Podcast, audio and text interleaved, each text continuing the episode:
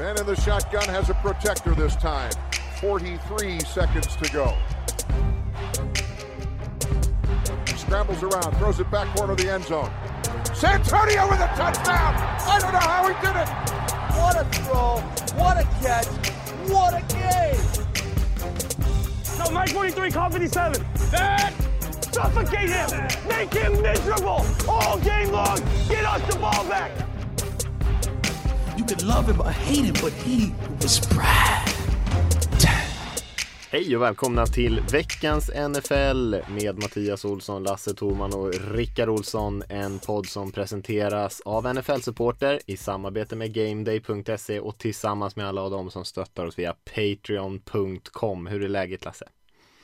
Det är jättefint. Uh, en, en uh, krispig, säger man det, höstdag uh, här på västkusten. Uh, så uh, ja, skönt att runda av med lite NFL-prat tycker jag. Mm. Ja, jag kan köpa den med krispig. Jag har haft en, en hantverkare här och fixa våran trasiga balkongdörr. Så då hade han dörren öppen i två timmar när han stod och mm. eh, fixade med det. Så det blev en härlig krispig känsla faktiskt in i lägenheten. Hur mår du Rickard? Eh, det är bra. Eh, det, det har inte varit lika krispigt här. Eh, det har varit kallt, men kanske inte krispigt. Men annars är det bra. Vad är skillnaden friskt, egentligen på kallt och krispigt? jag brukar säga till min dotter annars när hon säger att det är kallt. Nej, det är friskt. Är det. ja, men friskt är ändå härligt. Krispigt, ja. det känns kallt. Det känns, jag tänker mig så små isfrostkristaller och sånt. Ja, okej. Okay. Ja, ja. Det friskar i, läste jag också i en bok här. En barnbok häromdagen. Det mm. brukar jag inte heller säga så ofta faktiskt själv. Ja, mycket vädersnack här i början. Ehm, vi eh, har ju eh, ett ganska vanligt eh, standardavsnitt idag till skillnad från förra veckan när vi hade Filip Minja som såklart var superkul och vi ska försöka klara oss själva utan honom den här gången. Och ska köra ungefär ett liknande upplägg som vi körde för några veckor sedan här när vi har lite recap, vi gör någon varsin spaning Ska lyfta också någon spelare var som vi sätter lite extra spotlight på och sen såklart eh, lite fokus på eh, matcherna som kommer.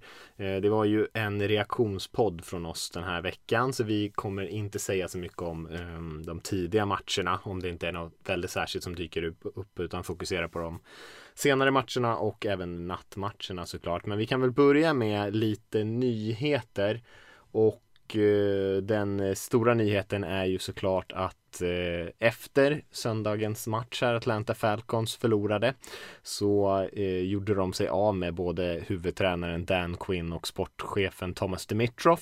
Och eh, det var väl kanske inte så oväntat, men de har varit där länge. De har också lett ett ganska framgångsrikt lag, men på senare år här så har det ju gått åt fel håll kan man väl säga i alla fall. Och den här säsongen har ju varit en katastrof än så länge för Atlanta. Ja, eh, på sättet han har förlorat matcher också. Det är klart det har inte hjälpt till heller. Och ni, vi och många andra har varit inne på det att, eh, att den Quinn skulle få gå. Det kanske redan borde ha skett innan säsongen. Ja, jag, jag följer eh, det finns ett svenskt supporterkonto på Twitter som skriver om Atlanta Falcons som heter typ Sverige Falcons kanske, eller Atlanta, Sverige, något sånt. Eh, hittar det ni andra. Och där han, skrev, han som sköter det skrev en liten rant där om eh, vad han tyckte om det här. Och då tyckte jag satte fingret på det ganska bra att Dan Quinn han har kanske varit väldigt uppskattad. Han har gjort en del bra grejer i liksom communityt runt omkring. Eh, fått en ganska bra kultur inom laget. Men man har ju inte vunnit och någonstans så räcker det inte med att vara en omtyckt tränare. Någonstans måste man ju producera och vinna matcher. Eh, sen Ja, jag kan ju hålla med om att det borde ha hänt. Han borde ha fått kicken tidigare. Ehm, jag vet inte riktigt vad det gjorde för nytta honom i fem matcher om han hängde på ett så liksom, tunt snöre inför säsongen. Man glömmer snabbt, visst var det defensiv koordinator i uh, Seahawks, han, han, var mm. innan han blev uh, plockad där. Mm. Mm. Stämmer. Och nu går, är det nuvarande DC som blir sån interim eh, coach, Raheem Morris va? Jag har faktiskt inte sett ja. något men det borde låta ju rimligt ja. Ja jag tror det. Så de, ja, ja. Jag vet inte vad jag vill komma med det men, men eh, fan var väldigt bra som DC i SI också. Det är ju inte orimligt Fråga... att, han, att han får det jobbet i framtiden heller som en eh, defensiv koordinator någonstans. Kanske det känns som att det är många av de här gamla Seahawks-coacherna som lämnade där efter att de fick ansvara för Legion of Boom som har tagit en del jobb som har misslyckats rätt mycket för att det är ett system som är ganska bero beroende på att man har spelare som vinner sina matchups i stor utsträckning. Ja, det är Och klart. här har, har han inte lyckats liksom kontinuerligt göra det med den här truppen. Nej, nej, det är sant. Nej, och man kan ju också eh, som du är inne- på, så man kan ju diskutera vad som gjorde de där Seahawks-försvaren bra, om det var magnifik coachning eller om det var så att man helt enkelt eh, hade både lite flyt och lite skicklighet och fick in ganska mycket duktiga spelare på kort tid som, som byg, byggde liksom en bra kärna. För senaste åren har inte ens Seahawks försvar sett ut som Seahawks försvar.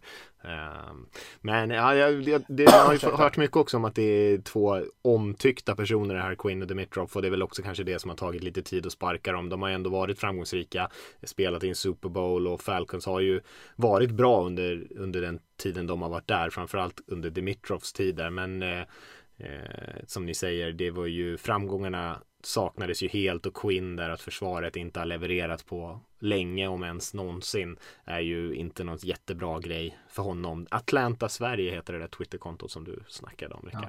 Tack.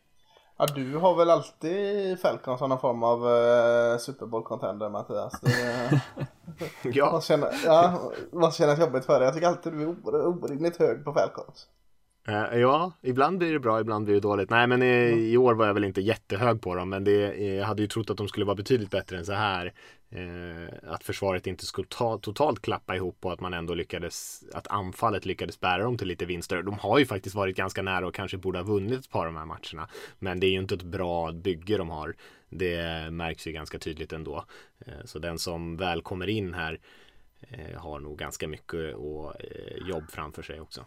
Mm, det jag menar var inte att hänga ute för att det, det jag skulle komma till var att eh, det finns ju kanske anledning att folk ändå varit liksom glada i dem med, med framförallt den offensiva, offensiva powern de har så är det ju inte helt orimligt att en hel del har haft förväntningar på dem så att eh, ja, de har verkligen inte infriat dem. Nej, nej så är det ju. Eh, annars finns det inte så mycket mer i nyhetsväg. Det har ju eh, hela den här coronagrejen såklart rullar ju på och påverkar NFL kanske nu mer än vad den har gjort hittills den här säsongen. Man har ju inte jättemycket nya fall och sånt där men det är många, många matcher som har flyttats omkring och det är väl ingen större idé att börja räkna upp alla de matcherna som har flyttats. Eh, jag tror att det är tio matcher eller någonting som har blivit flyttade.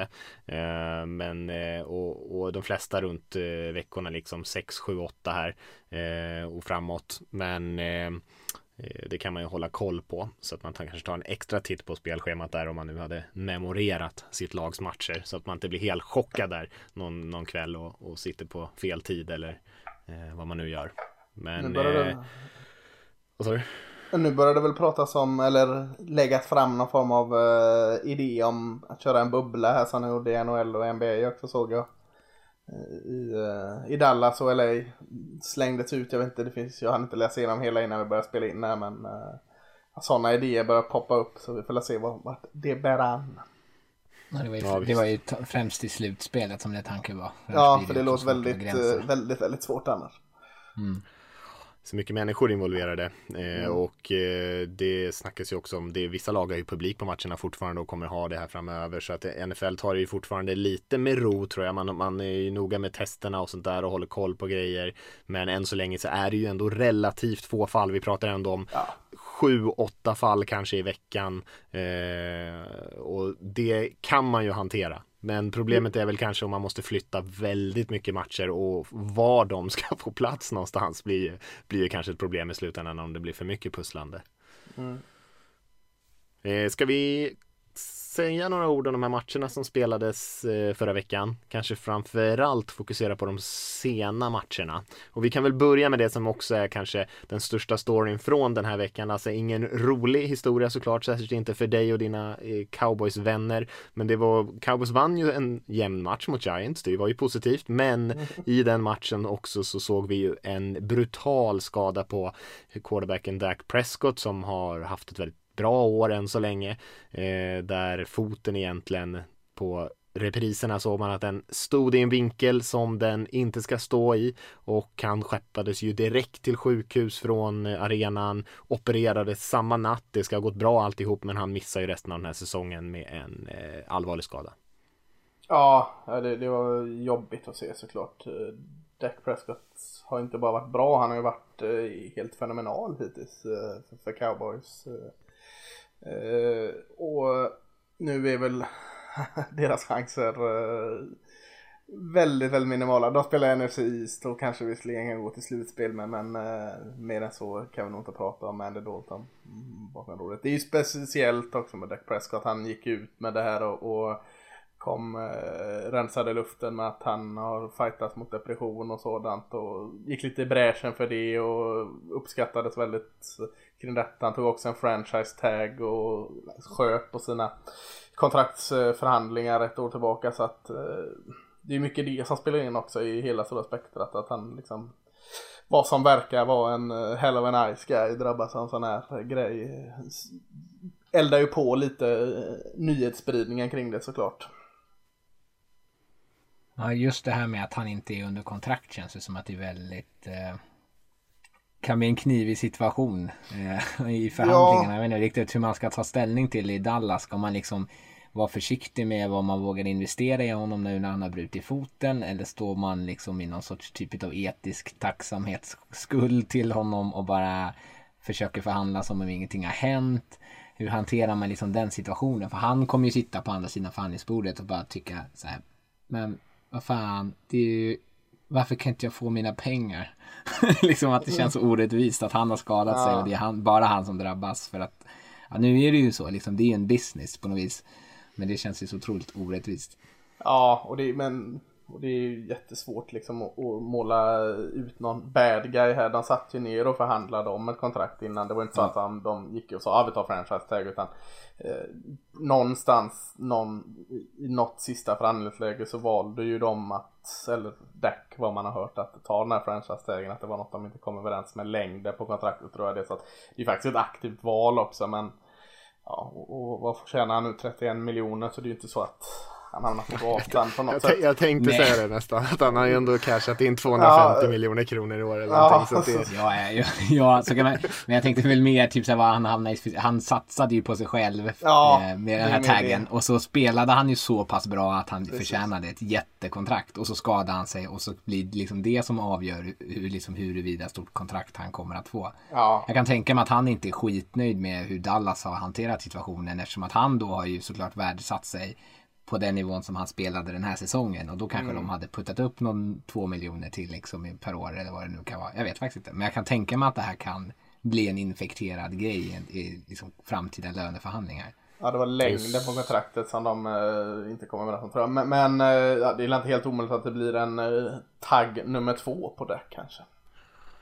Ja, exakt. Ja, för det, och det, då kan det ju kanske bli lite grinigt. Men det är en svår situation. Jag tänker mig, det är i alla fall bra att bra i, i kråksången eller vad man säger. Att liksom det, skadan kommer ju relativt tidigt så han bör ju hinna rehabba ganska mycket så pass att man vet om han kunde, kommer kunna liksom tillbaka i god tid så man ändå har tid att förhandla ett nytt kontrakt i så fall innan nästa säsong om man nu skulle vilja mm. göra det. Så att jag tänker mig, hade han skadat sig i slutet på säsongen då kanske han inte ens hade kunnat knappt gå medan man ska sätta sig ner och förhandla kontrakt och det är ju en, inte en bra situation. Så det, på så sätt är det ju lite, lite bättre här men man kan väl bara fylla i det som Lasse sa där, eh, du sa hell a nice guy där, alltså det är ju ändå Dak Prescott. Jag tror också att det kom ut väldigt mycket från alla möjliga håll i NFL-världen. Också för att han är en person som är väldigt lätt att tycka om och har varit kanske egentligen hela sin karriär även ner till college-tiden. Mm. Ehm, och man såg också när han lämnar planen i tårar där att det här är någonting som betyder väldigt mycket för honom.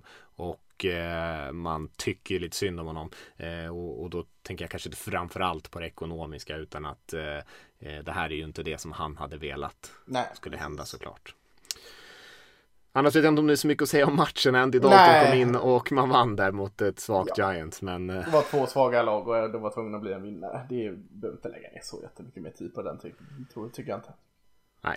Vi har ju en annan match som spelades också där, eh, där vi blev kanske lite chockade allihopa tror jag. Eh, 49ers var nästan 10 poängs favoriter i den här matchen mot Dolphins. Eh, men Miami fullständigt krossade San Francisco 49ers som bänkade Jimmy Garoppolo halvvägs in i matchen ungefär och ja, det, det var bara ett lag som kom till, kom till spel här egentligen. Eh, och Fitzpatrick gör ännu en stor match för, för Miami.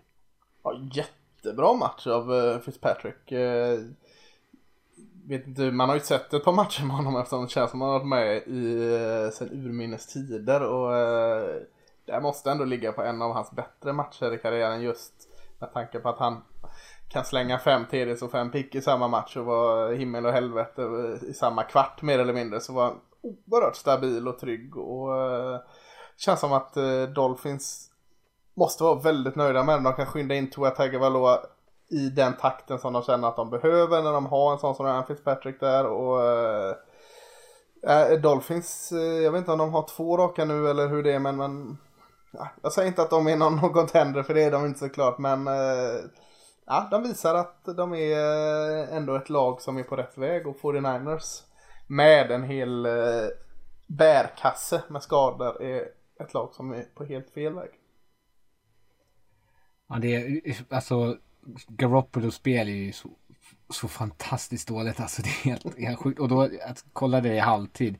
Jag såg inte matchen så mycket men jag var tvungen att kolla statsen för jag tänkte att vad är det som gör att han spelar så här dåligt? Och då sprang de ändå bollen för typ snittade nästan åtta yards per försök och ändå liksom så står han och kastar puckade interceptions i så här. Nej, och jag, han har ju sett dålig ut tidigare under året också tycker jag. Ehm, så jag vet inte vad det här är liksom en indikation på. Vad det är att de kanske alltså stressade honom tillbaka för tidigt. Eh, eller liksom är han bara så här dålig just nu? Han, han, är ju lite segstart. Jag tycker att han, han alltid börjar i säsonger och vi hade den här försäsongen när det pratades om hur mycket interceptions han kastade mm. på träning. Och så här, det, alltså han, bör, han verkar ha väldigt svårt att komma igång. Men har spelat lite bättre i slutet på säsongen. Alltså man får ju hoppas att det här inte är den typen av spelare han hade tänkt vara för resten av säsongen. Nu säger det här 49ers-laget, ja man kan säga att Jimmy Garoppolo är en del av problemet men de har ju massor av problem i, San Francisco, mm. ärligt talat. Det är inte många delar som spelar bra. Men som du säger, enda gången med anfallet verkligen fungerade, det var när man egentligen ignorerade att man hade en quarterback på plan och bara sprang bollen. Eh, då kunde man flytta bollen hyfsat. Men annars är det ju ingen som kan passa eh, i det där laget. Uh, notera också att uh, Matt Breida, eller Breida tidigare för den Niners running backen fick bli mer involverad. Annars har det varit väldigt mycket Miles Gaskin running back i Miami som har gjort det bra. Det var ju mycket annat också men Eh, de roterar in eh, Brida mer här både i eh, han tog en lång passmottagning och sprang en hel del. Så jag vet inte om det var medvetet just att de var 49ers. Så att han fick mm. vara med lite mer och leka. Även eh, Lynn Bowden eh, sprang med bollen tre gånger för fyra yards. Så du behöver inte liksom ligga vaken för, eh, om nätterna för att ni släppte honom. ja.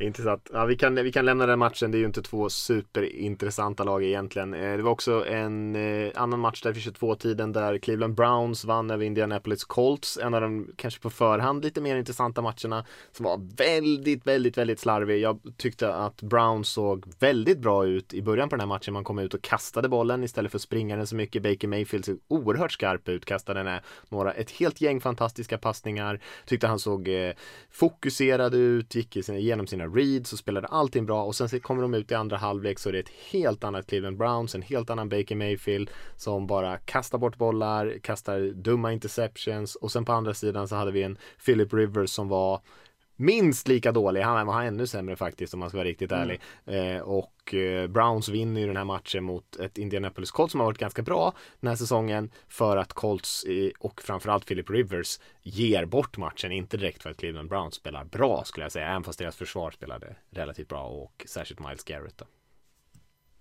Mm, eh, den ska man säga den dåliga halvan av Baker Mayfield. För det finns ju en bra halva som du säger också. Ibland eh, gör han saker väldigt bra.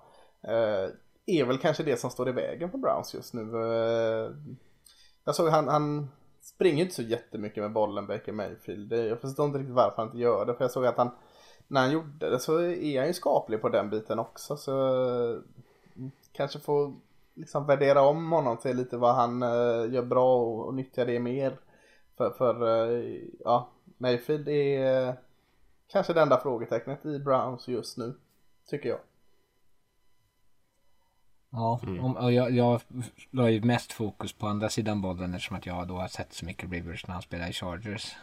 Men alltså det här är ju en så klassisk Rivers-grej att hålla på med sån här urkorkade turnovers och en safety. Liksom, han själv kostar ju laget 9 poäng och det är liksom matchen avgörs med 9 poäng. Sen är det kanske enbart därför. Men det är så tydligt tecken på när han känner att han behöver göra mer än vad han egentligen har förmågan att göra. Och, och jag förstår inte hur han inte kan vara mer rutinerad än så på den här safety när han vet att han är baktryckt i sin egen endzone. Mm. Och han liksom inte har en tanke i var ska jag gå med bollen om det skiter sig. Utan då får han liksom fullständig panik och bara dra iväg den åt skogen. Det finns ju inte en spelare i närheten. Liksom. Det här, där måste ju han vara så pass nu måste han ju vara så slipad att han vet vad han ska göra i alla situationer och det vet han inte och det är därför han gör den här typen av fortfarande rookie-misstag. Ja, han borde ju varit så rutinerad för tio år sedan och ja. veta hur man gör detta. Så det, ja, det är väldigt konstigt ja. Jag håller med. Ja. Nej, och jag, tror, jag tycker nästan att det blivit värre faktiskt. Alltså han har blivit eh, mm. mer sån här ju äldre han blir och det är inte tvärtom liksom att han lär sig. För att det, båda hans interceptions är ju katastrofala. Den ja. när han hopp, bryter upp i fickan, då såg jag den och tänkte wow vad han ser, nu är han skarp ser han ut Rivers här. Första halvan av spelet och bara oj, han kliver upp genom pressen och vet, gör allt rätt och sen bara ha, han kastar den till ett ställe där det var tre försvarare och liksom vem som helst av de tre hade kunnat gjort en interception och sen hans andra interception ut mot kanten kanten. Jag skrev det i våran Slack-grupp. Han kastar den bollen bakom line of scrimmage. Så även fast han lyckas få fram den passningen så, det, så kommer de få minus en yard. Så varför kastar han den ens? Alltså det är så dumt. Och sen så blir det såklart en, liksom, en interception och en pick six åt andra hållet. Så det var ju, alltså besluten är ju som du säger, som en, som en liksom rookie. Absurda mm. beslut. Ja, eh, det var en extremt slarvig match kan man i alla fall säga om den matchen. Eh, Men Cleveland, ja, ännu en skalp i alla fall mot ett lag som på förhand såg rätt bra ut. Mm. Vi kan ju hoppa till eh, nattmatchen där på söndagen. En väldigt jämn match mellan Seahawks och Vikings. Vikings egentligen gjorde vad de ville på marken skulle jag säga och tappade Dalvin Cook en bit in i den här matchen. Men sprang ändå på bra med Madison ja, och, och, gänget. Ja, exakt. Eh, och, men Seahawks eh, lyckades stoppa Vikings. De tog ett ja, kontroversiellt eller vad man vill kalla det, i alla fall ett intressant beslut att spela på fjärde och typ en halv yard nere på Seahawks eh, planhalva, långt ner på Seahawks planhalva. Men lyckades inte plocka upp den och eh, Seahawks fick tillbaka bollen och drev eh, en jättelång drive i regnet där för att vinna den här matchen egentligen med 10 sekunder kvar bara. Eh, så blev ett väldigt, väldigt dramatiskt slut på den matchen. Jag kom på att jag såg den här matchen, jag sa innan att jag inte såg den. Jag måste bara stanna upp på de jävla dräkterna. Alltså, tycker du de är snygga som Sirius? Alltså, det är ju som att ta en sån här markeringspenna och, och måla. Jäklar vad de stack i ögonen. Ja, de är, de är, de är neongröna det är de. Ja, de, det är ju som de här varselvästar som de är ute och springer och jobbar med. Liksom. Ja, ja. ja jag håller med. De, det, ja, de är inte så snygga. Nej. Det tog en quarter in liksom för mig att ens kunna se eh, vad folk gör på plan för att jag var så paralyserad av de dräkterna. Du trodde det var sådana här som står på flygplatser med sådana här grejer Ja, men såna, ja precis. Ja. Smart kanske då, de får försvaren eh, eller motståndarna kan inte, är det tillåtet? Eh, nej men eh, det, det, ska jag inte haka upp mig på. Eh, och jag ska inte heller haka upp mig på att eh, den tolfte mannen för Sioux, alltså domaren, eh, hjälpte dem i slutet där med den sista driven som du inte nämnde. Du sa att Sioux hade den sista driven, hade de ju inte alls. Det var, ju Vikings som hade den när de dömde en fumble där som var en incompletion. Men, men det ska jag inte heller nämna. Eh, DK Metcalf kan jag nämna. Du menar innan Kirk Cousins skulle kasta en 75 yards Hail Mary med 6 sekunder in, kvar? Den hade gått in. Eh, såg det, såg det redan. Matchen var slut. Nej, det var inte slut. Sista driven. nej, Sista nej, nej, driven. Eh, eh, det jag ska säga är att jag tycker Vikings gör en jättebra match. Eh, och det gör såklart Seahawks också. Det är skämt åt sido. Men Vikings 1-4, de känns inte som ett 1-4-lag här nu helt plötsligt. Jag vet inte bara om de har vaknat lite för sent för Kirk Cousins gör ju ingen jättebra match, men han gör ju inte sådär dålig match som han gjorde tidigare i säsongen. Han är ju inte någon större anledning egentligen eh, till det. Och, och, nu gick Delvin Cook ner, då kom Alexander Mattsson, eller Mattsson in och eh, gjorde det jättebra. Jag tycker även deras receivers gör det skapligt. Thielen har en bra match och försvaret eh, liksom håller ändå Russell Wilson och ett glödhett offensiv till 27 poäng. Och de får ju verkligen kämpa för de jäkla 27 poängen. Så att, visst, Vikings förlorade den här matchen eh, och det var väl rättvist liksom. Men, men eh, överraskad eh, hur ändå de har återhämtat sig de två senaste veckorna, Vikings. Ja, de spelar rätt bra. Jag skulle säga om Cousins, han är ju ingen, alltså han är ju ingen belastning för dem alltid, men han Nej, det- inget plus. Alltså den här Nej, matchen, är när de springer så här bra så borde de ju egentligen göra mer poäng och, och Cousins är ju egentligen bara så här en eftertanke. Han är ju inte egentligen involverad så mycket i matchen. Nej men så länge han inte saboterar matcherna Nej, som det han gjorde i början av säsongen. Så har de ju, alltså de bevisar att de har ett bra försvar. Alltså, de var, försvaret var ju bra den här matchen. Och man har ett fungerande springspel. Och kan han bara vara duglig eller inte i alla fall sabba matcherna så eh, Ja, eh, de vaknade väldigt för sent Vikings men jag tror de kommer vinna en hel del i slutet av säsongen. Ja, ja. Man ska också säga att det var ganska regnigt i den här matchen vilket påverkade lite grann. Eh, särskilt Seattles sista drive där så hade ju Wilson två bollar som han egentligen tappade halvt och, och missade helt öppna receivers på sista driven där. Eh, men man lyckades ändå. Metcalf gjorde också en jättebra match igen och, och fångade den avgörande touchdownen där också med 10 sek sekunder kvar. Ja, bästa receiven i ligan skrev ju du där i vår eh, grupp. Jag skrev faktiskt topp 20 men eh, Ja, sen ja! jag, jag skrev att han var en av de bättre och det står jag fast vid ändå. Alltså, Och så sen är det topp eh, topp 20 en av de bättre. Det är för mig är det topp 5. Eh, Ja, ja, ja. ja men då, då har vi bara olika. Ja. Jag menade att han var en av de bättre. Ja, vad tycker du Rickard? Du får flika in här i den här Jag vill, inte, jag vill inte ha en synpunkt kring det. Jag kommer bara få någon emot mig. Antingen så kommer du bråka med mig på den här podden eller så kommer Mattias kasta julmat på mig. Ja. Nej, man får tycka vad man vill. Jag bara sa vad jag tyckte. Eh, han- är pil upp skulle jag säga för honom. ja, men det håller jag med om. Absolut. Ehm. Och han är bra. Ja, det är han. Eh, och eh, sen har vi en Monday Night Football match också mellan Saints och Chargers där eh, Chargers tog en stor ledning. Eh, Herbert spelade riktigt bra rookie quarterbacken där men sen så tappar man alltihop och Saints vände och vann den matchen. På övertid va? Till och med. Ja, på övertid ja. Fint var det. Vad, är, är du orolig för Chargers Rickard? De hamnar på fel sida varje gång av de här vinstmarginalerna. Ja, alltså jag är inte så orolig över att de skulle göra så mycket väsen av sig i år.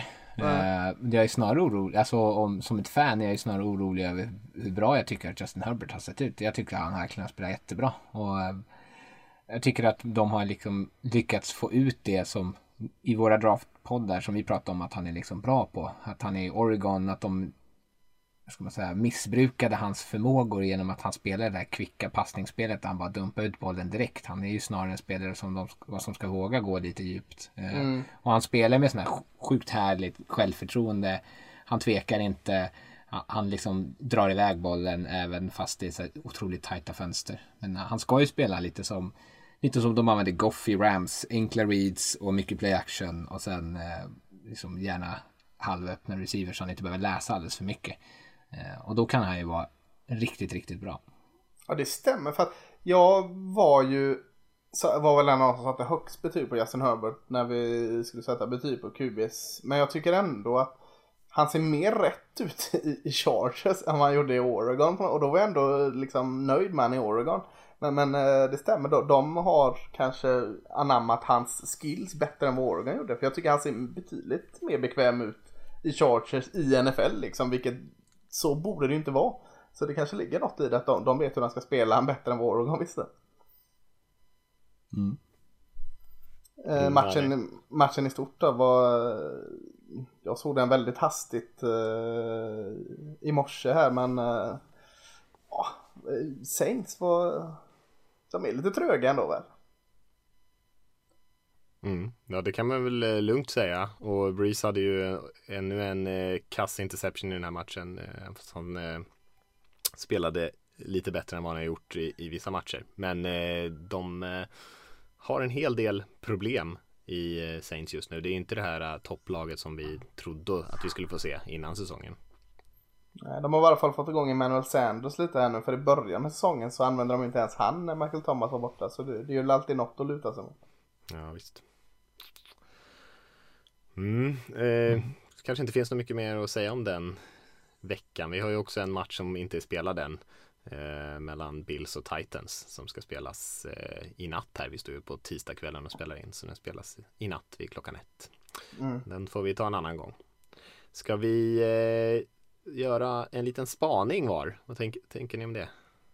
Tycker jag låter som en, en spännande uppgift att ta sig an. Perfekt. Ah. Helt improviserat eh, upplägg. Börjar du som ändå är spaningens mästare Mattias? Ja, ah, det, det, det, det fan. Men, eh, men jag tänkte att vi kan eh, snacka lite rookie wide receivers.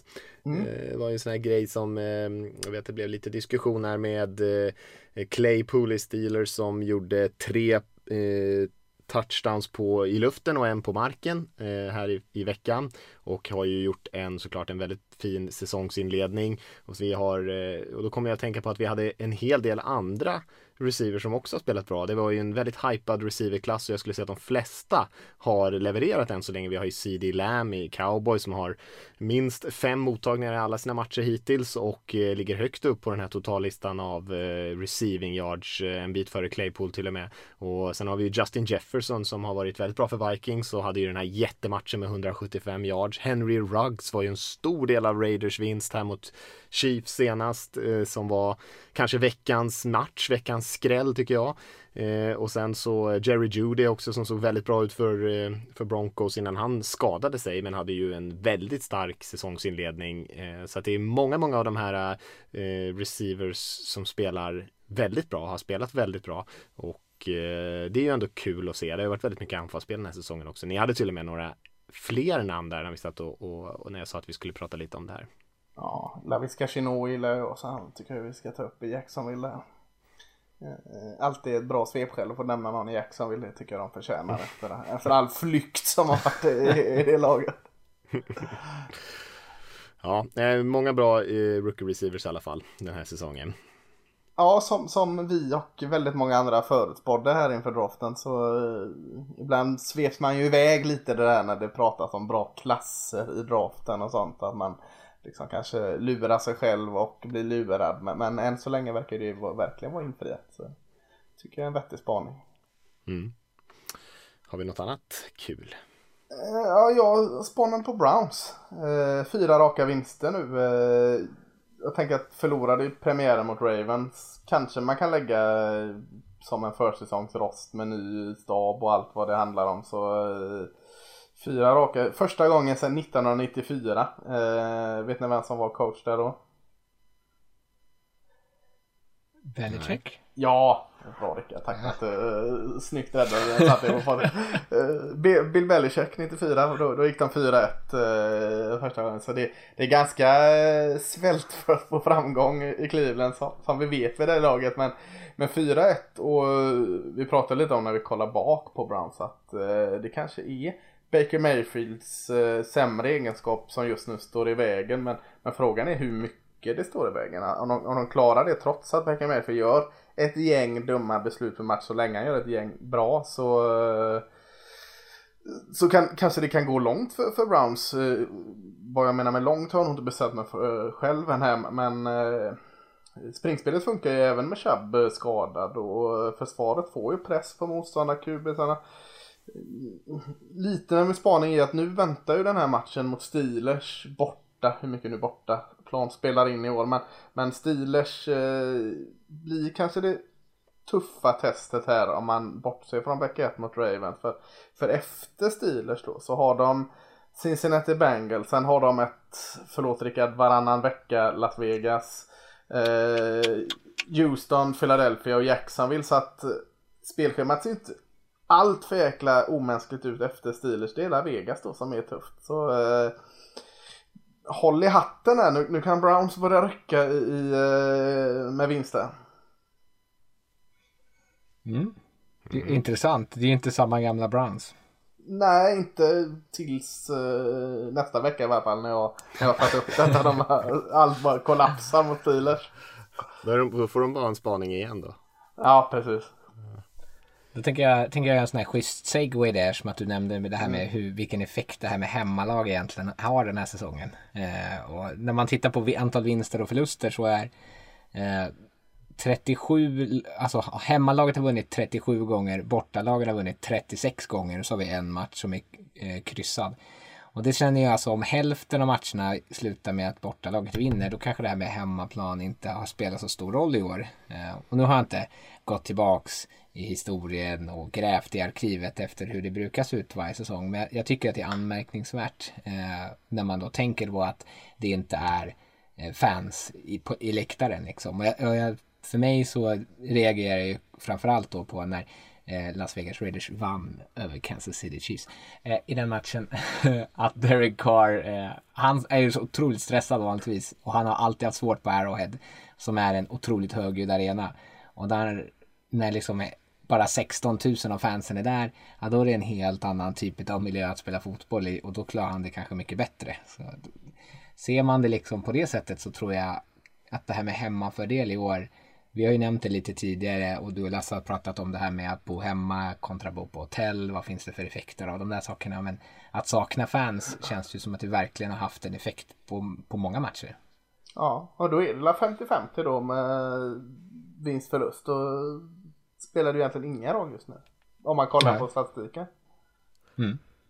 Nej, vi Bara- pratade ju om det här med lite grann när vi nämnde Justin Herbert också och att de kommer ut så bra och spelar så bra. Om de hade varit ett fullsatt Superdome ehm, som vi var och tittade på matchen när vi var där med på NFL supporterresan så är ju det också en lite annan utmaning än att spela i, på en tom arena.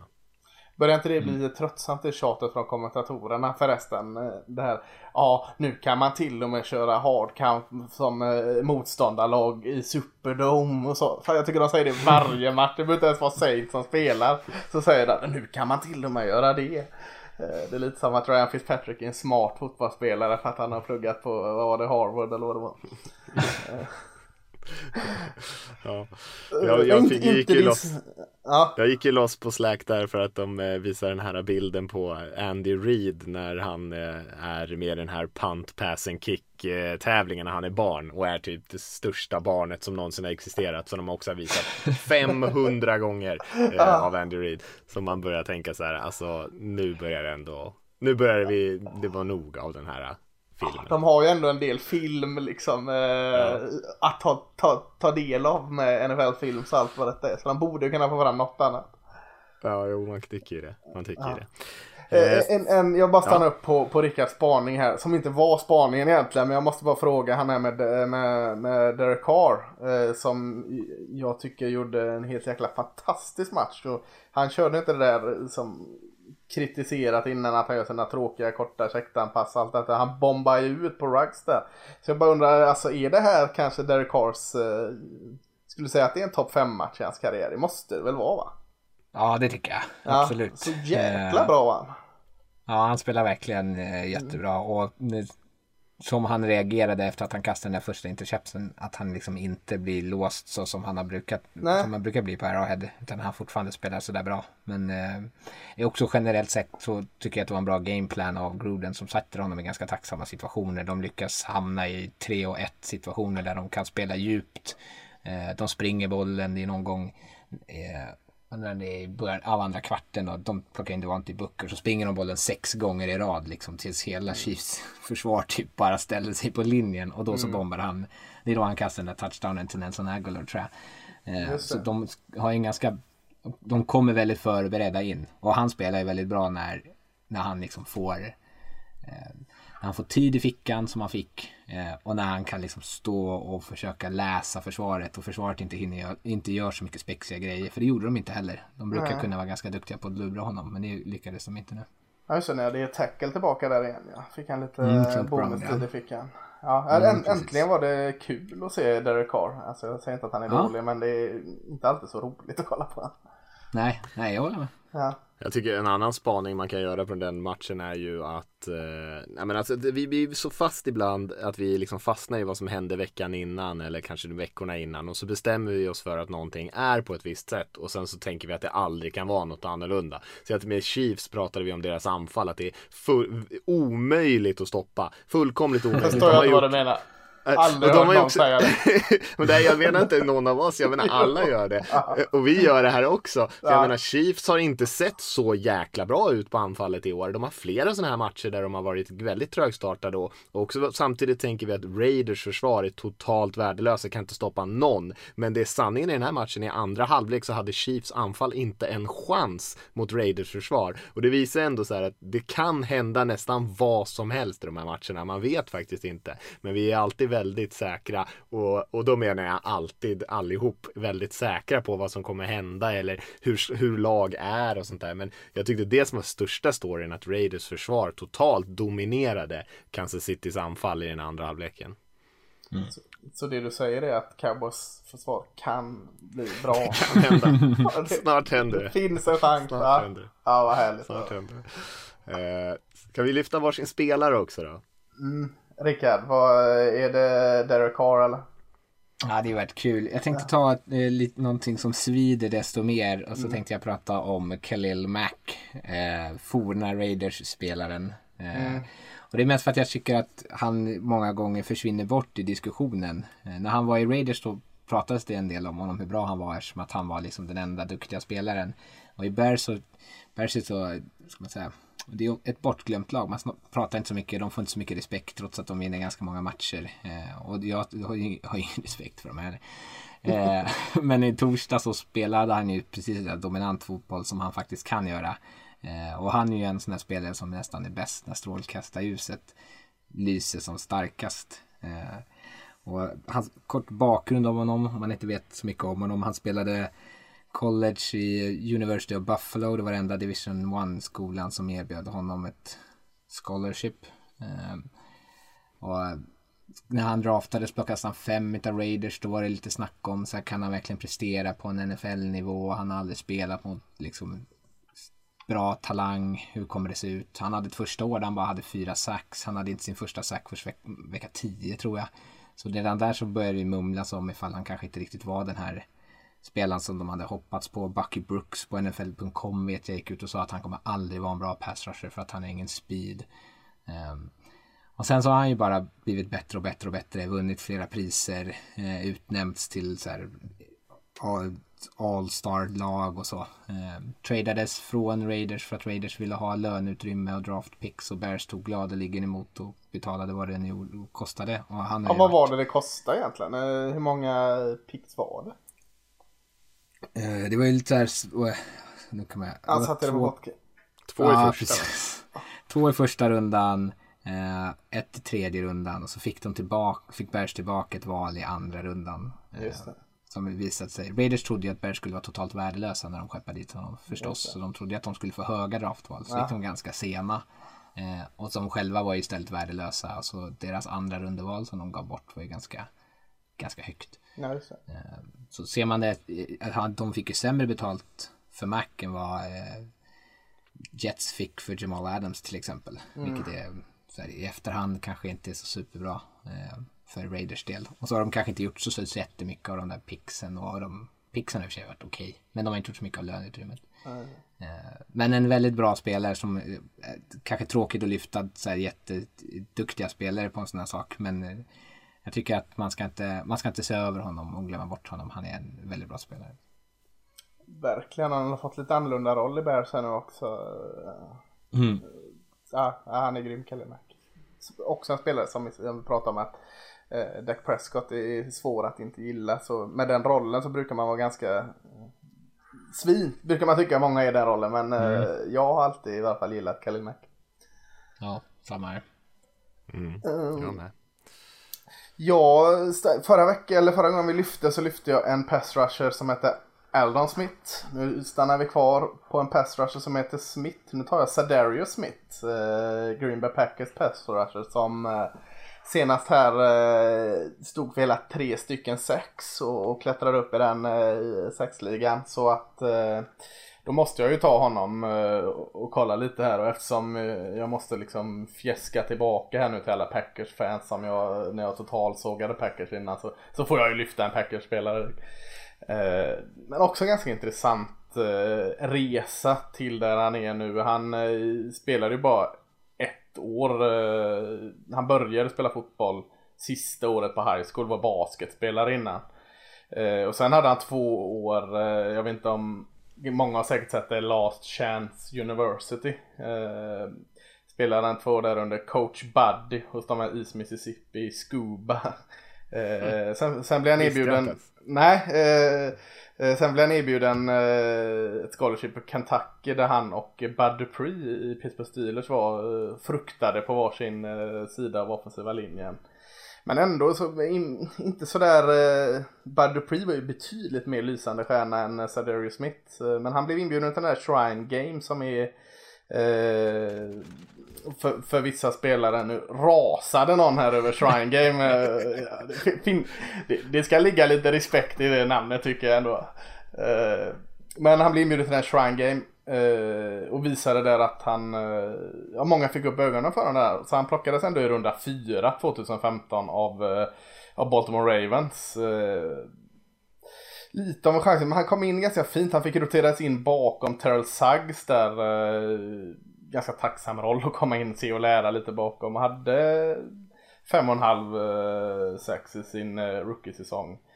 Sen så var det inte så jäkla mycket mer 2016-2017. Gjorde han inte så mycket väsen av sig. Men, men eh, det som var lite roligt, som jag tyckte mig läsa mig till att anledningen att han hamnade i Packers var att eh, 2018 när, när, Ravens mötte eh, Titans så eh, hade han ju sin bästa match hittills när han hade tre, tre stycken sex. Precis som han hade nu senast mot Falcons. Och det var ju mot Matt LeFleur som var i Titans då. Eh, och Eh, det ryktades väl om att han fick till och med trada till sig Sadarius Smith innan de kunde plocka upp honom eh, i Green Bay förra året. Och han hade ju 13,5-6 förra säsongen och eh, har börjat den här säsongen strålande och nu, nu ställs han mot en eh, bra offensiv linje och kanske den bästa QB genom tiderna Tom Brady på söndag. Så får se om man liksom kan spinna vidare här på sin resa Sadarius Smith. Kul, kul resa och ja, en, eh, en bra matchup till helgen för honom. Mm. Ja, intressant, det var mycket, jag visste inte att han hade gått på East Mississippi, det var eh, nyheter för mig. Ja. Det var ju kul att höra. Eh, vi, vi kör vidare på eh, pass rusher eh, spåret där. Och sen så får vi se om vi får inte lyfta några fler pass rushers i år på den här eh, lilla spelarspotlighten här. Men eh, jag tänkte säga något om eh, Jason Pierre-Paul i Buccaneers pass rushen där. Som också haft en minst sagt intressant karriär än så länge. De möts ju nu här då eftersom Green Bay och Tampa Bay mm. möter varandra. Men alltså det var ju ett tag sedan han var i ropet på riktigt så många kanske inte har, har koll på hans story riktigt. Jag tänkte ändå det kunde vara kul att påminna om den lite grann. Han var ju en superstjärna i NFL egentligen. Eh, en sack-specialist. Han peakade ju där 2011 då han hade liksom 16,5 sack. De vann ju Super Bowl mot eh, Tom Brady och Patriots där i Giants och eh, han var ju eh, kanske den största stjärnan på det, i det försvaret och spelade ju otroligt bra hela säsongen genom slutspelet och man, hela Giants gjorde ju en väldigt bra match eh, även i Super Bowl. Eh, men sen kom den här händelsen 2015 som ett, de, många kanske har talas om. Nationaldagen 4 juli. Eh, han skulle fira lite med familj och vänner där och han, eftersom han är en så stor fotbollsstjärna såklart, bjussat på en lastbil full med förverkerier eh, som han hade tagit med hit. Och eh, sent på kvällen där framåt natten försöker han liksom fjutta på en av de, en av de sista stora pjäserna. Eh, lyckas inte få liksom eld på den riktigt eh, och gör liksom så här fem, sex, sju försök och till slut så får han lite fjutt på den men då exploderar hela skiten egentligen eh, på hans eh, ena hand och och eh, när han tittar ner sen så ser han att det ser ut som att liksom handen är totalt söndersprängd eh, och liksom eh, han ser knappt att det är en hand längre och det är blod överallt. Och han får ju åka till sjukhuset och amputera ett finger och ja, hela handen ser helt eh, grotesk ut. Och det gör den fortfarande idag ska jag säga. För att eh, handen har ju läkt till viss del men det är ju, han saknar ju fortfarande stor, stora delar av eh, många av fingrarna. Och eh, ett finger mer eller mindre helt. Så han kom ju igång där igen och fick spela med en stor så här, klubba på handen. Hade en ganska seg start men ändå stannade i Giants där och spelade helt okej. Okay. Och sen så kom han ju till Buccaneers och eh, många trodde väl att det här, efter den här olyckan och efter hans sega start i Giants, att hans karriär på något sätt var över. Men det har ju visat sig att så var det ju inte riktigt. Och när han kom till Buccaneers, han hade 12,5 sack här sitt första år i Tampa Bay. Sen hade han ännu en olycka i 2019. Han var ju med i en bilolycka, skadade nacken. Man trodde att han kanske skulle missa hela säsongen. Men missade bara de sex första matcherna. Sen kom han igång, så hade han åtta och en halv säk tror jag på de, på de tio matcherna på slutet på säsongen. Spelade väldigt, väldigt bra och eh, skrev en, ett nytt kontrakt, eh, stort kontrakt inför i år och eh, har haft fyra sax den här säsongen hittills på, på de här första fem matcherna. Så att han har ju eh, verkligen trots den här eh, ganska hemska olyckan lyckats liksom rädda upp sin karriär och skulle jag, skulle säga nu att han, är en av de stabilaste edge-spelarna som finns i NFL. Han är ju inte på den här absoluta nivån med Khalil Mack och gänget men han har varit väldigt, väldigt stabil under lång tid och eh, och även fast han inte är en superstjärna så är han strax där under eh, och har man två stycken av hans kaliber på sitt försvar så har man det väldigt, väldigt gott ställt. Eh, och nu med att de haft lite skada på defensiva linjen så blir han ju ännu viktigare för, för Tampa Bay Buccaneers. Men eh, en väldigt intressant story tycker jag, JPP. Ja, eh, man, man har väl tänkt väldigt länge på honom, eller i alla fall har jag gjort det att ja, men nu, peak, nu har han ju pikat, nu kommer det ju gå, eh, nu kommer det gå ner för liksom eh, med, med skadorna som du nämner också, men man känner att liksom, ah, ja, han var bra, nu är han inne på sitt sista, så har jag typ känt i tre, fyra år nu nästan. Uh, ja, uh, det är intressant, han är fortfarande jäkligt bra. Mm. Ska vi hoppa till matcherna? Ja, det får vi väl göra. Vi får göra det. Det finns ju ändå en eh, del matcher eh, som man kan kika på. Vad tycker ni att vi ska börja någonstans? Välj du. Mm, hmm. Ska vi börja med den här Green Bay Tampa Bay matchen då eftersom vi ändå har sagt lite grann om den redan? Ja, det tycker jag. Det är en jättebra match. Eh, Pack, Packers Buccaneers helt enkelt och eh, nej men Packers som du nämnde där alltså, de har ju sett eh, bättre ut än eh, de flesta nog kunde anat. Eh, och de har ju dessutom haft lite skador nu på Devante Adams, deras receiver den senaste tiden och eh, ändå levererat. Nu hade de ju bye week här den här veckan och det låter ju väldigt troligt att Adams ska vara tillbaka till det här mötet med Tampa Bay. Det vet man inte helt säkert. Eh, men det kan nog vara bra, det kan behövas. Eh, de har ju klarat sig bra utan honom men möter man kanske den tuffaste utmaningen i alla fall försvarsmässigt. Tampa Bay har ju ett bra försvar på eh, egentligen i alla delar. Och och eh, även försvarsmässigt kan det bli en utmaning med Tom Brady där. Eh, man har ju fått eh, ganska bra produktion från sitt eh, front seven framförallt. Man har, men man har ju lite luckor eh, långt bak i planen. Det är väl bara Jair Alexander egentligen som är en väldigt bra spelare där men annars så, eh, så finns det ju lite luckor. Ehm, och eh, Tampa Bay, de spelar ju Thursday Night Football. De har ju haft gott om tid att förbereda sig, rehabba inför den här matchen. För de har ju också saknat en receiver här, saknar ju Chris Godwin. Eh, som också har varit borta. Eh, och man vet inte riktigt säkert om han kommer tillbaka men det behövs nog eh, för den här matchen tror jag om man ska lyckas rå på Packers. Packers får ju ändå anses vara favoriter här. De har ju sett bättre ut. De har varit starkare på linjerna skulle jag säga. Offensiva linjen i Green Bay är ju bättre än den defensiva linjen i Tampa Bay, särskilt i passblockering. Eh, samtidigt som vi såg att Tampa Bay hade ganska stora problem med, med Bears senast och kan nog vara en ganska bra matchup som du sa Lasse för Sedarius Smith här. Eh, lite trist för Tampa Bay att man tappar Vira Vea här senast, deras duktiga nose tackle. Så vi får väl se lite grann hur resten av spelarna Eh, om de kan liksom bära upp för det. Men eh, en kul match. Eh, jag tror ändå mycket på Tampa Bay i år, även fast jag eh, kan leva med att de har startat lite långsamt här. Jag tror att med Godwin tillbaka ser de betydligt bättre. Men frågan om inte Green Bay är lite för bra just nu för Tampa Bay. Ja, alltså det här med eh, Vetavia. De är ju ganska har en ganska bred och fin trupp. Men, men just defensiva linjen, där kändes det kanske som att det var mest tunt. Eller i alla fall den här stora pjäsen. Eh, eh du har ju Sue där men han gör sig nästan bättre bredvid en sån som Vea där så att eh, den kan nog skada en hel del tror jag. För jag menar, eh, vad har de? De har eh, Galston som är underskattad och, och, och Zoom. Men ja, fan har de någon riktig... vad är det, är det här Nunez Roche som de ska sätta in där? Eh, skrämmer väl inte jättemycket så att det kanske var det tuffaste tappet egentligen eh, de fick där.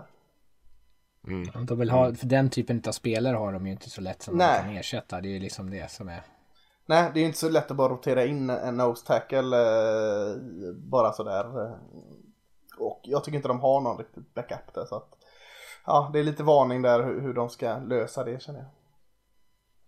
Ja, för Green Bay kommer säkert springa bollen en del och testa det här springförsvaret tror jag lite mm. grann i början. Sen får vi se hur det går om man börjar kasta runt det med Rodgers istället. Men eh, jag tror man eh, kommer för alla fall få, få eh, jobba lite i backs här för att eh, inte bli översprungna i början.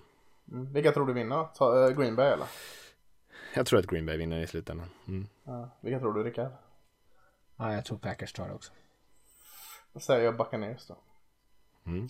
Gronkowski, han har börjat komma igång lite nu här. han ser extremt snabb ut och bra. Ja, alltså, han, har i alla fall, han syns ju nu i alla fall. Jag tyckte inte han gjorde i början. Nej, jag vet inte om det är bra eller dåligt. Nej, det är sant. har du någon annan match eller? Eh, ja, men jag hade min spaning på Browns här och nämnde att han skulle få det stora testet mot Steelers här nu. Och det är ju en jäkla fin AFC North fight här. Eh, pratar om Browns är 4-1 som jag sa och Steelers är 4-0. Eh, Steelers kommer ju, jag skulle kanske säga att det är en märklig match lite mot Philadelphia senast. Eh, nu hade man ju så att Steven Nelson som hade två interceptions men passförsvaret lever väldigt mycket på att lita på sin pass rush eh, som jag inte riktigt levde upp till det sist mot en som borde vara skakig offensiv linje i Eagle. Så att, Mm, de gjorde det okej okay, men det kändes märklig eh, matchen och försvaret. Eh, jag vill nog ha ut lite mer av det trots att de är 4-0. Eh, nu möter man visserligen den här pickglade eh, Baker Mayfield. Eh, men man ställs också mot en betydligt bättre offensiv linje och, och det här tunga springspelet eh, kanske blir någonting att bita i för Steelers försvar. Men vänder man på det så, så det som gjordes bra mot uh, Eagles var ju att Ben Roethlisberger såg jättebra ut. Uh, en av hans bättre matcher jag har sett med honom på de sista året. Uh, eh, och det tycker jag det känns, du har varit inne på det med Steelers, du var inne på det för några podcaster sen där Mattias, att man saknar kanske den där riktiga hotet i spring.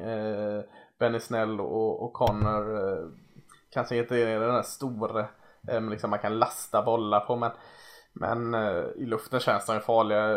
Vi pratade om Chase Claypool här som är ett verkligt hot i Redzone med sin storlek och så eh, vet man inte, kommer Browns lägga fokus på honom? Eller kommer de släppa honom för att de har ju Eric Ebron där, tight-enden, eh, så har de Juju, Smith-Schuster och Washington. Så det är ju fyra alternativ där, någon av dem kommer ju oftast vara i singlad så att eh, jag tycker den är ganska spännande att se. Det finns ganska många roliga matchups att lyfta här. Eh, betydligt hetare jagande på båda sidorna linjerna för Browns. Medan att eh, ett tydlig fördel i passspelet i offensiven för Steelers. Jag är inte helt säker på att Steelers tar detta hemma. Så jag, är, jag säger faktiskt att Cleveland Browns trummar vidare och vinner den här matchen mot Steelers. Mm. Intressant. Mm. Det tror jag inte ja. att de gör. Jag tror att Steelers tar den där ändå. Mm. Men jag håller med om det, det är en bättre match än vad det har varit på liksom flera år. Eh, och det här är ju också en sån här typisk rivalmatch som är liksom måste tv nästan. Ja, och man vill ju, här vill man ju att det ska ha regnat minst två dagar innan. Mm. Det behöver inte regna på matchen, men det ska ju vara ganska lerigt och svinigt. Och du vet, de ska ha smutsiga dräkter och stora tuvor på planen. Det är ju en sån match det är liksom, en riktigt skiten match det, det vill man ju ha. Det ska ju inte vara soliga och fina Miami den här spelas. Påknäppta hjälmar. Ja, precis. jag är lite orolig för, du var inne på det lite grann med Bakers eh, vad han ska hitta på här med alla sina turnovers som han har haft för sig. Eh, Ja. Och det har man nog inte råd med riktigt. Man måste nog spela en ganska clean match. Vi får se om, om de eh, inte låter honom göra så mycket.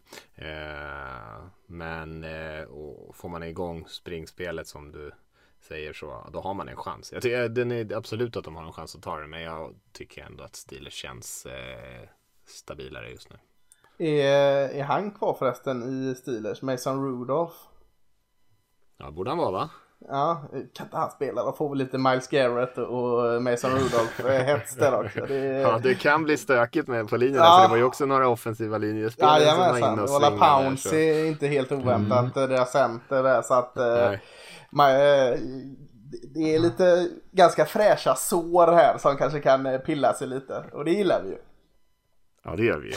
Och, ja, Garrett har ju en jättesäsong. Alltså efter Aaron Donald så är han väl kanske Mm. den eh, näst bästa försvararen i år. Så det ska bli kul att se vad, hur det här går på Ja. linjerna där. Ja, Ja. det- Vad har vi Ja, ska jag lyfta en match då? Då eh, lyfter jag eh, Chicago Bears då eftersom att jag har pratat om Mac. Eh, inte bara därför, men också för att de har en bra match nu när de spelar mot Carolina Panthers. Eh, och den är kul. Bears är kanske inte det sexigaste laget i NFL, men de vinner ändå matcher trots att folk hela tiden tänker att de ska förlora. Och man säger att de är typ det, ett av de sämsta lagen, eller kanske det sämsta laget någonsin i alla fall att ligga 3-1. Eh, vilket är taskigt. Ja, väldigt taskigt. Sa inte vi det Eh. själva i och för sig? ja. Jo, jo, jag, Okej. jag tycker att jag är taskig, men jag, jag tycker ju ändå så, vilket känns, det är väldigt eh, svårt, eh, Dr Jekyll och Mr Hyde-aktigt här. Eh, men det är ganska kul och framförallt Carolina tycker jag är kul att följa. Man pratade ju om att de skulle tanka inför säsongen. Eh, och så börjar de 0-2 och så tappar de Christian McCaffrey och så tänkte man så ah gud nu kommer det här skeppet bara fortsätta sjunka. Och sen dess har de vunnit tre matcher och då har de vunnit mot ditt Bucks här då, Mattias bland annat. Ehm, så de har ju ändå imponerat. Eh, jag tycker att de har fått liv i sitt anfall på ett väldigt bra sätt. Eh, offensiva koordinatorn där, Joe Brady som kom in från LSU, han är, har ju verkligen gjort ett jättejobb med Teddy Bridgewater. Eh, Bridgewater spelar ju bättre än vad han, vad han någonsin har gjort. Eh, sen behöver de kanske vara Anfallet har flyttat bollen väldigt bra. Jag tror att de är typ topp nästan, ja, om de inte är topp 5 kanske, topp 10 åtminstone i yards per match. Eh, men de är typ botten 10, jag tror att de är 12 sämst i, i antal poäng per match. De flyttar bollen effektivt men de får liksom inte riktigt utdelning eh, hela tiden. Så det finns ju ändå på något sätt potential i det här laget. Eh, jag som har följt Raiders då så vet ju hur påfrestande det kan vara att flytta bollen och avsluta med field goals. Eh, Men i den här matchen kanske de får svårt att flytta bollen mot ett eh, Chicago-försvar som spelar väldigt bra mot en Mac då, som är i, i hög form. Men eh, Bears är ju helt omöjliga att räkna med. Man tänker att det där, deras anfall kommer liksom kollapsa. Eh, och, sen, och det gör de lite under en match och sen så gör de någonting bra ändå. Eh, de är ju de är väldigt eh, två olika lag under en match och framförallt nu när Foles har kommit in så är de ännu mer så. Eh, jag, tror att det här kommer bli en riktigt eh, kul och underhållande match. Jag tror att det är många individuella spelarprestationer som man kommer kunna eh, se. Bland annat då Mac men också eh, Jeremy Shin, rookie, ska man säga, hybrid safety linebacken i, i Panthers. Han såg lite vilse ut i början av säsongen. Han har blivit bättre och bättre. Derek Brown, defensiva linjespelaren, också rookie som de plockade. Eh, också sett jättebra ut. Så En väldigt kul matchup av, av den anledningen. Och två lag som faktiskt, alltså Panthers är ju 3-2 precis som Bucks och precis som Saints. Så divisionen är ju fortfarande inom räckhåll och ett ganska tacksamt spelschema framöver. Eh, det här är ju nästan en av de svårare matcherna de har kvar på säsongen. Eh, och det säger ju kanske en del om att om man ändå tänker sig att de vinner. De är favoriter att, eh, liksom enligt Vegas eh, bettinglinje. Så en, en väldigt kul match tycker jag.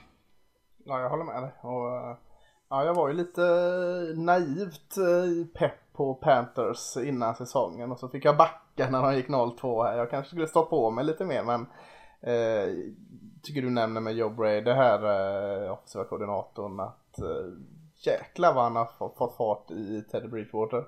Eh, kanske inte bara är han såklart men, men en stor Nej. anledning måste ju vara han. Eh, och eh, han spelar ju över den förmågan. Alltså, jag vet att du Mattias var tidigt eh, väldigt förtjust i Teddy Bridgewater i sin NFL-karriär med all rätt. Eh, men nu tycker jag han spelar på en nivå som jag inte såg innan skadan heller. Så att eh, ja, det är väldigt roligt att se. Ja visst, han har alltid varit eh, träffsäker och eh, liksom läst spelet bra och sådär men han har varit ganska försiktig, konservativ. Mm. Men nu känns det som att han eh, släpper loss lite mer ändå. Och det är kul att se tycker jag. Mm. Vad har du mer att bjuda på Mattias för, för match? Nej, men det, det, det, finns inte jättemycket. Man kan ju nämna den här matchen mellan Rams och 49ers. Den är ju inte någon eh, superhet match. 49ers är ju en så kallad dumpster fire just nu. Det ser inte jättebra ut. Eh, Rams däremot tycker jag är rätt intressanta. Ehm, jag trodde väl i och för sig att de skulle kunna vara med och utmana lite grann i år men de, jag trodde ju inte att de skulle se riktigt så bra ut som de har gjort. Men däremot ska man väl också säga att de har ju alla sina vinster mot NFC East. Ehm, och eh, det har ju visat sig vara inte så många bra lag där. Det är väl Cowboys är väl det starkaste av de fyra. Ehm, och de andra tre not so much. Så att eh, de eh, behöver ju få ett litet test här så småningom. Men de har ett ganska lätt spelschema ska man säga. De möter ju San Francisco här som har sett kassa ut. Sen har man Bears som vi nyss pratade om som är ett bra lag som ändå är 4-1 och sen så möter man Miami som inte väntades vara ett så bra lag men man har ju ändå potential att gå in i sin bye week sen eh, med rätt mycket vinster. Jag tror att man borde åtminstone vara 6-2 eh, potentiellt 7-1 Eh, och sen blir det lite tuffare på andra sidan där men om man börjat så starkt så har man en eh, väldigt god chans på, på slutspel. Eh, jag tycker bara de ser välcoachade ut. Eh, försvaret finns det ju fortfarande hål i som vi pratat om lite grann och man har ett par stjärnor som verkligen bär dem där. Aaron Donald är ju fantastisk. Jalen Ramsey spelar rätt bra i deras secondary sådär men eh, det är ju ändå en del hål, men de, de spelar bra, ser välcoachade ut. McVay kommer in med bra gameplans och man, man vinner de här matcherna som man ska vinna. Och man borde ju vinna mot det här San Francisco-laget också som är lite i fritt fall. Mm. Ja, du var väl den som var hetast på Rams när vi pratade om det innan eh, säsongen i den divisionen.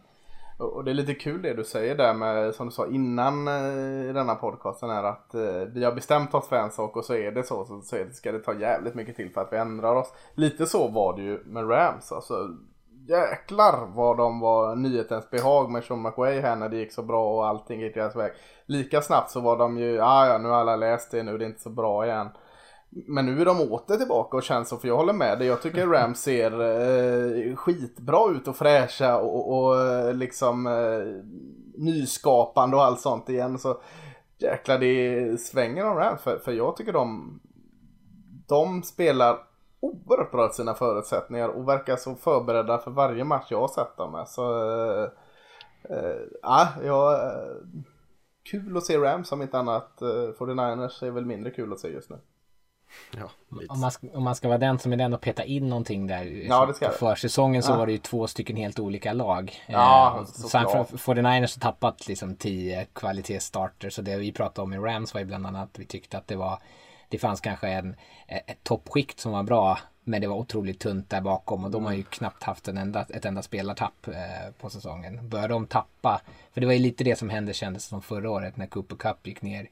Eh, att då liksom förändrades dynamiken i anfallet. De kunde mm. inte spela sin 11 personnel på samma sätt som de ville göra och då var de liksom inte så pass effektiva som de som man liksom tro, tänkte hela tiden att McVay skulle vara.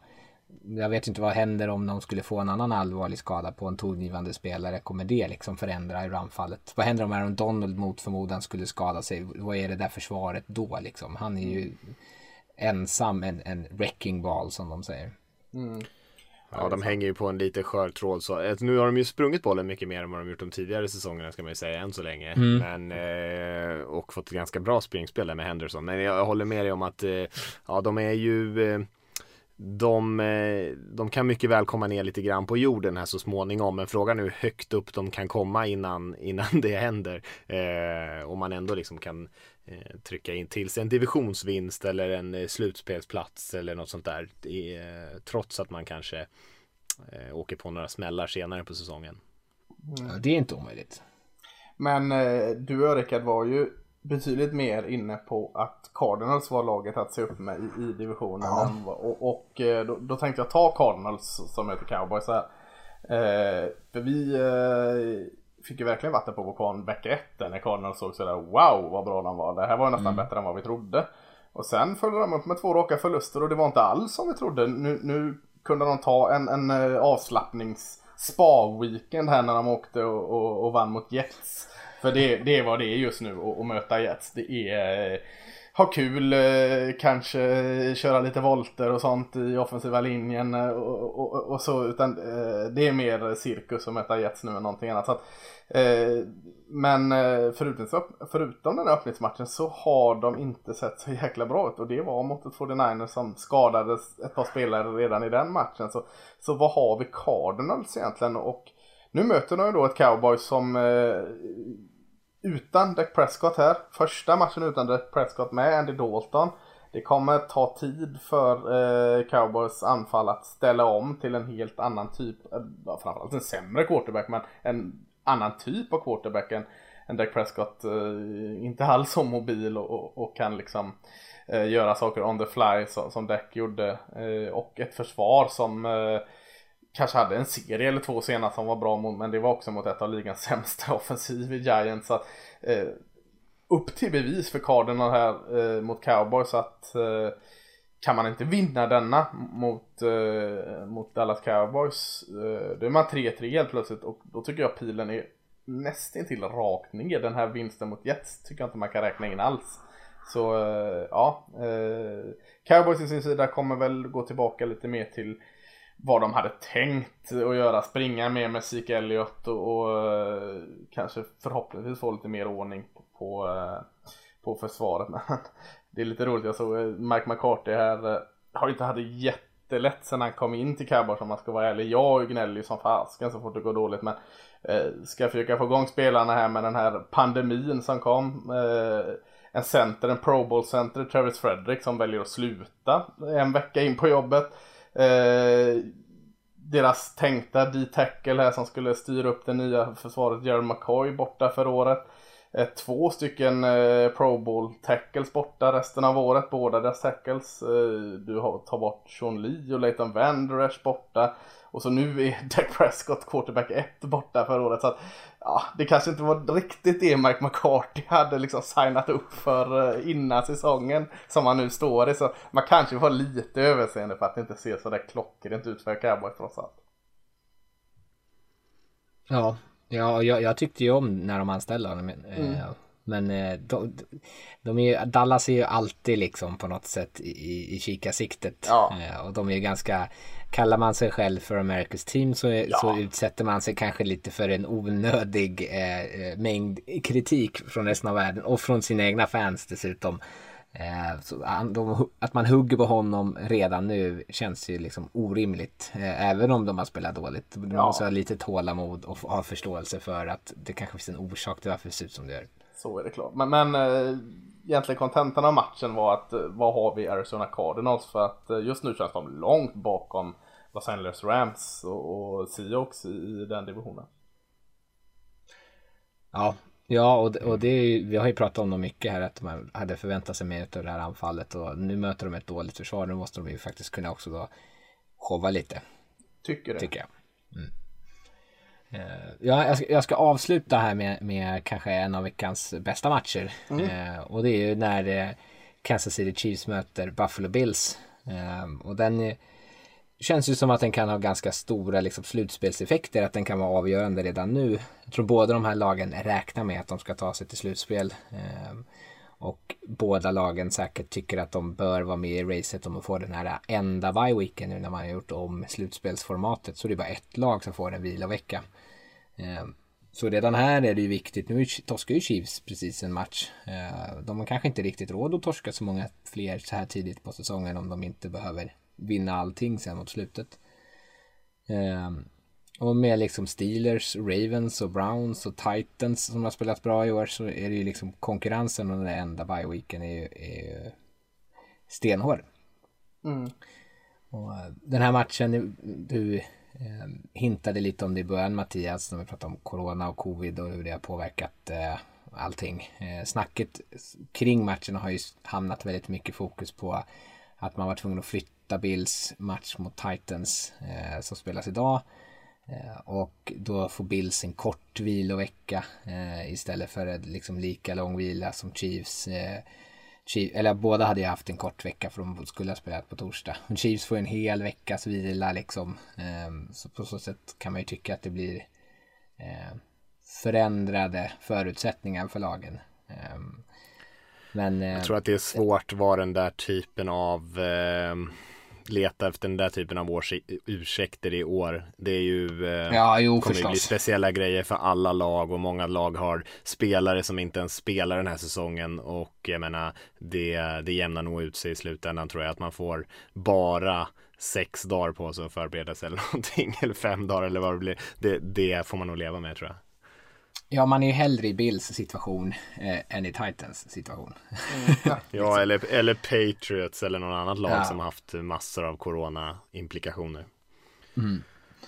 Men eh, själva matchen då, så fick ju Chiefs, de fick ju ett, ett uppvaknande eh, här utav Raiders. Eh, och framförallt deras kassa secondary, eller deras väldigt aggressiva safety-spel fick sig kanske lite eh, smält på käften. Eh, så jag tror inte riktigt att man kommer kunna tillåta, eller att man kommer tillåta alla de här stora spelen som man gjorde eh, mot Raiders. Man lär säkert vara lite mer försiktig, för man möter ju också ett offensivt som som har presterat på samma höga nivå som vi har nästan vant oss vid att Chiefs spelar. Bills anfall har ju sett eh, jättebra ut. Eh, Josh Allen spelar på en jättehög nivå.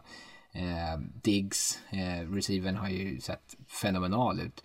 Så anfallet är ju verkligen farligt och i en sån här matchup mot Chiefs försvar så känns det som att det kan det kan springa iväg. Eh, Chiefs försvar började säsongen bra men mötte ju inte den, har inte mött den här typen av anfall riktigt. Eh, och Bills å andra sidan, de har inte kanske heller haft ett så starkt försvarsspel. Det har man ju liksom lite slapphänt eh, tänkt sig att det allt, Bills försvar är alltid bra liksom. Eh, men det har det inte varit i år. Eh, jag tror att Chiefs ändå kommer kunna springa bollen ganska effektivt om de vill. Eh, och jag tror att Chiefs behöver hitta tillbaks till det som vi pratade efter vecka ett hur de vann matchen då eh, mot Texans. Att man, det var inte det här Chiefs som man såg kastade djupt hela tiden utan ett Chiefs som tålmodigt kunde hålla längre drives där man kastade korta passningar och man sprang bollen effektivt med Clyde edwards hilaire eh, och jag tror att det är den typen av matchbild kanske som passar dem bättre i just det här. Eh, och få sitt försvar, ge det lite mer andrum och inte liksom utsätta dem för en sån här shootout-match igen. Um, och, ja, en, en, kul match. Det är så svårt att se. Chiefs, eh, man, de, är ju så, de är ju så bra om man tänker att de är så borde ju liksom inte kunna torska två matcher i rad. Men här är de ju ute på, ute på djupt vatten tycker jag. Ja, eh, Ja, det är riktigt. Bills är, jag är så kaxig att säga att de är ju, för när ni lyssnar på den här matchen spelat så är natt, så jag säger att de är ju 4-0 här nu och börjar den här äh, veckan. Men äh, tänkte det du säga att deras kaxiga safety Chiefs, det fick man för att jag skulle lyfta upp han Juan Thornhill safety i Chiefs förra veckan som en uh, rising star. Det, ja, han blev bränd lite men Ja, eh, fasiken vilken bra match eh, och svårt liksom att, att ta sig till ett, en tippning. Jag tror ju på Bills fullt ut i år då till skillnad från förra året. Och, men samtidigt har jag också väldigt svårt att se att Chiefs skulle göra två kanske, som Mattias varit inne på, de har inte sett 100% ut i offensiven i år. Kan man göra ytterligare en liten tveksam offensiv match igen då så vet jag fasiken om det räcker mot Bills. Nej, jag tror att Bills kommer kunna göra poäng på Kansas Citys försvar. Det är, eh, jag blir lite förvånad annars i alla fall. Så att eh, man måste nog spela på en hög nivå eh, i Chiefs och det räcker nog inte med en halvlek heller om man ska vinna den här matchen mot, mot Bills. Eh, ja, den är svårtippad. Eh, jag tror väl ändå att Chiefs vinner den här matchen i slutändan. Jag vill, jag vill väldigt gärna säga Bills, men jag tror inte riktigt det på riktigt. Jag tror att, att Kansas City ändå vinner. Men, eh, men den är ju väldigt spännande. För, för mig är det, jag har ingen stark känsla åt vilket håll som helst egentligen. Äh, ja, det är lite, alltså de måste bli lite bättre i springendelen av sitt spel ändå, Bills. De har spännande spelare i Singletary och, och Rookien Zach Moss här, men är fortfarande lite för endimensionella där i passspelet så att nu möter de som tur var inte det bästa försvaret man kanske kommer undan med här men, men eh, säsongen är lång så att det kanske jag skulle ha liksom som ett eh, emot Bills då att eh, ja, få igång springspelet lite bättre. Mm. Mm. Vi eh, skippar att nämna så mycket fler matcher tycker jag. Det där var väl de som kändes mest intressanta och, eh, och lämna för den här veckan. Vi har verkligen kommit upp i långa poddar den här senaste tiden känns det som. Det, det, är, det är väl okej. Det är väl helt okej. Eh, men eh, vi säger så, om ni vill skicka in några frågor så kan ni göra det. Eh, podcast at nflsupporter.se. Nu har vi inte kollat på ett tag faktiskt, men vi ska kolla mejlkorgen till nästa vecka. Så om ni har någonting som ni vill fråga oss så kan ni skicka in det där eller via sociala medier så snappar vi säkert upp det någon väg. Men annars får ni ha en eh, bra helg och njuta av matcherna så hörs vi nästa vecka. Ha det fint. Ha det gött.